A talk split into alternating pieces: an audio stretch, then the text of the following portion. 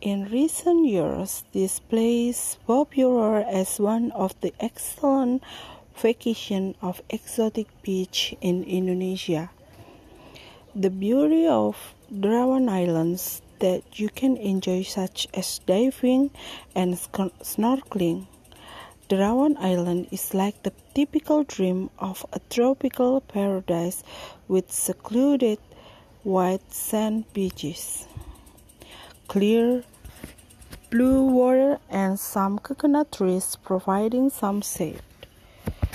The islands are located in Berau district of the coast of East Kalimantan and it is one of the best diving spots in the world. The archipelago consists of 31 small islands of which only 4 islands are accessible.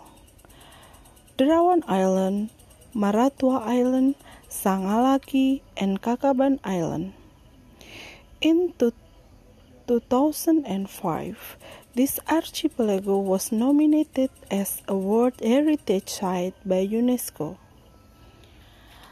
Derawan Islands has 1,270,000 hectare area of sea and island are marine and coastal ecosystem, coral reefs, seagrass bed, and mangrove forests.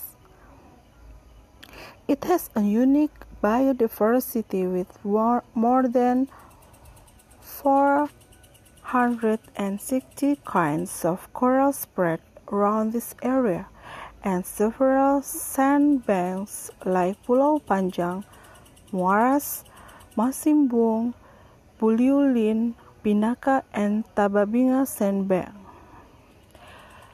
There are also 870 kinds of fish. Some of them are protected species like green turtle, scale turtle, whales, dolphin, giant clams, coconut crabs, and barracudas. This area has the largest turtle habitat and nesting site in Southeast Asia.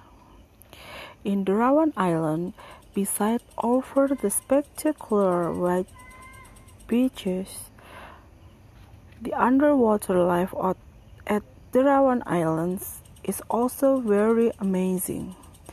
There are over 28 diving spot here and you will not be alone as many domestic and foreign tourists dive in this beautiful ecosystem. The Derawan Island is a diverse paradise. Access to get Derawan from Berau, you can take a car to Tanjung Batu for a two-hour ride that would cost about IDR 350,000 rupiahs for one-way trip.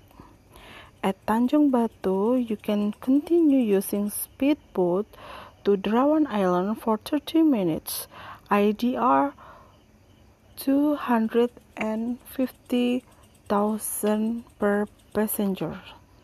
To get around and explore the island and best dive spot, you can hire a boat for IDR one million five hundred thousand per day.